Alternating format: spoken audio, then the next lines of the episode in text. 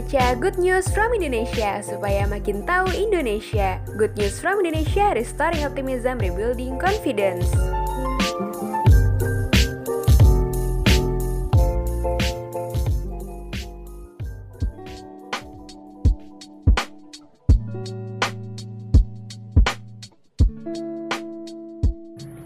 Bagi sebagian kalangan seperti pelajar atau mahasiswa, belajar merupakan suatu rutinitas. Kawan dituntut untuk memahami materi yang telah dipelajari, namun sering kali rasa lelah atau malas menimbulkan sulit fokus dan pecah konsentrasi saat belajar.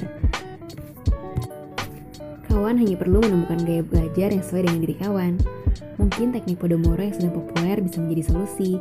Teknik Podomoro merupakan teknik pengelolaan waktu belajar yang diperkenalkan oleh Francisco Cirillo. Ia menggunakan kitchen timer berbentuk sebuah tomat sebagai pengatur waktu belajarnya. Berikut langkah belajar dengan teknik Podomoro yang bisa kawan terapkan. Yang pertama, tentukan tugas atau materi yang akan dipelajari. Kawan harus mempersiapkan tugas yang harus dituntaskan atau materi yang hendak dipelajari. Mulai dari tugas yang harus diselesaikan hingga tugas yang bisa dituntaskan dalam beberapa hari atau minggu. Kawan dapat memetik banyak manfaat dari penerapan teknik Podomoro seperti meningkatkan produktivitas karena terbiasa menyelesaikan sesuatu berdasarkan skala prioritas dan target tertentu. Bagaimana? Jadi tertarik menerapkan teknik Podomoro?